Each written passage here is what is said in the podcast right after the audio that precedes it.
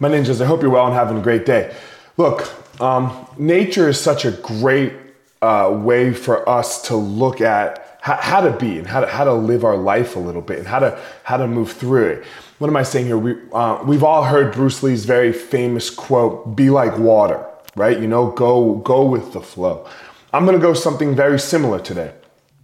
Be like a tree, right? Be like a tree. Think about a tree. First of all, what gets planted in the ground for a tree is what grows. So, how do we put that? Where does that fit into our life?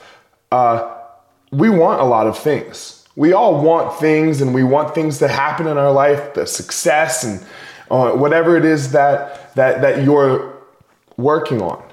Well, if you don't plant the seed for it, and then water and add water to it and, and, and work on that thing, well, then it doesn't grow. It, it doesn't just happen. You have to plant it and then you have to water it. You have to give it the nourishment and you have to give it the, the food that it needs so that it can grow. The seed of a tree and you.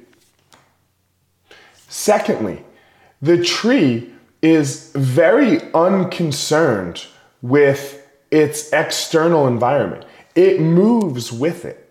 It doesn't try to change the environment that it's in.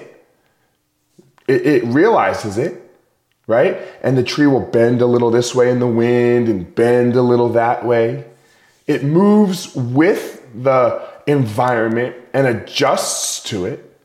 It's very unconcerned about any other tree right? Like the tree next to it, what the tree next to it, like a peach tree is not concerned about this oak tree that's next to it and that it's an oak and it wants to be, no.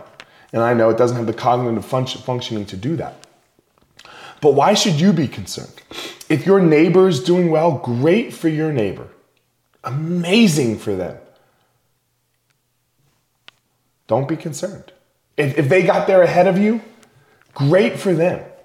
Good. Where's there? Is you're there and they're there the same place? I don't know. Don't be concerned about the other trees. And lastly, look, it goes through this process of, of dying, right? The, the leaves of the tree shed and grow anew, right? They, they, they die every season, they fall off, and then they come back. They go through this process of reinventing itself. New leaves, not the same leaves, same tree, new leaves. Give it a try. Sometimes we need to, to reinvent. We need to be like, you know what, this isn't so good for me. I need to go another direction. This is how you're going to discover your passion, find your purpose. Excuse me, I messed that up. This is how you're going to discover your passion, find your power, and then go give your purpose to the world, my ninjas.